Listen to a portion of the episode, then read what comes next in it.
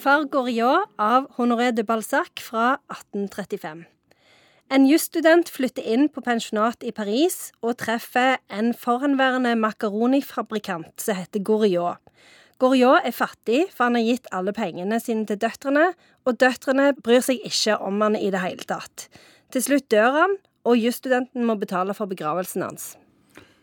Var makaronimannen en gang rik, og så har det gått gale? Ja, fordi at han ga alle pengene sine vekk til ungene sine, og de eh, tok pengene og stakk. Dårlig gjort.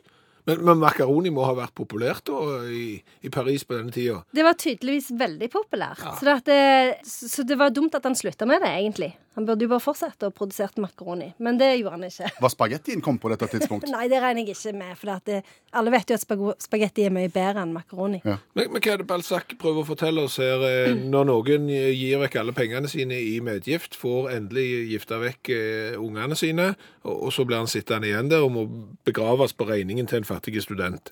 Det er et veldig godt spørsmål, og det som eh, denne boka inngår i, er et sånn større verk for han. Balzac han syntes det var veldig god idé å på en måte samle alle verkene sine i ett univers, som han kalte for Den menneskelige komedie.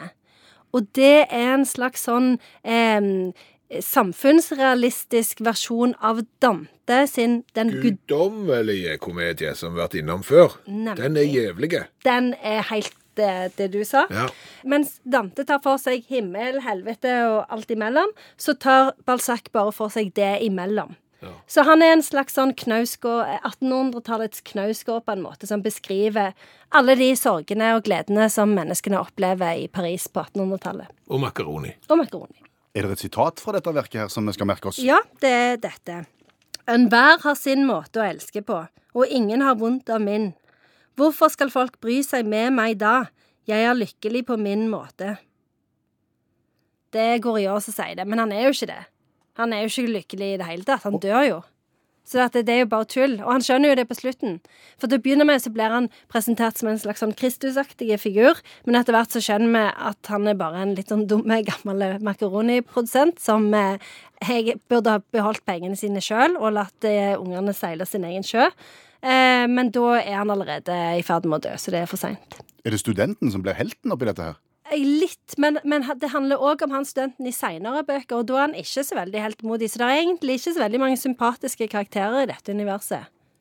Er det episoder hvor de sammen sitter og spiser makaroni? Overraskende få til at det handler om en makaroniprodusent, vil jeg si. Har vi det, da?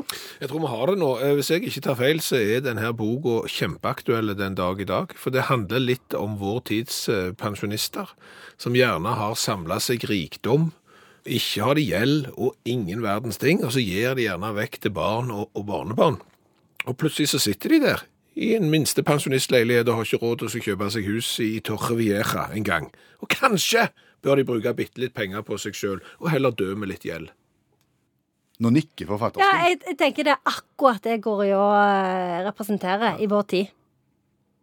Tusen takk, Janne Stigen Drangsholt, forfatter og litteraturviter.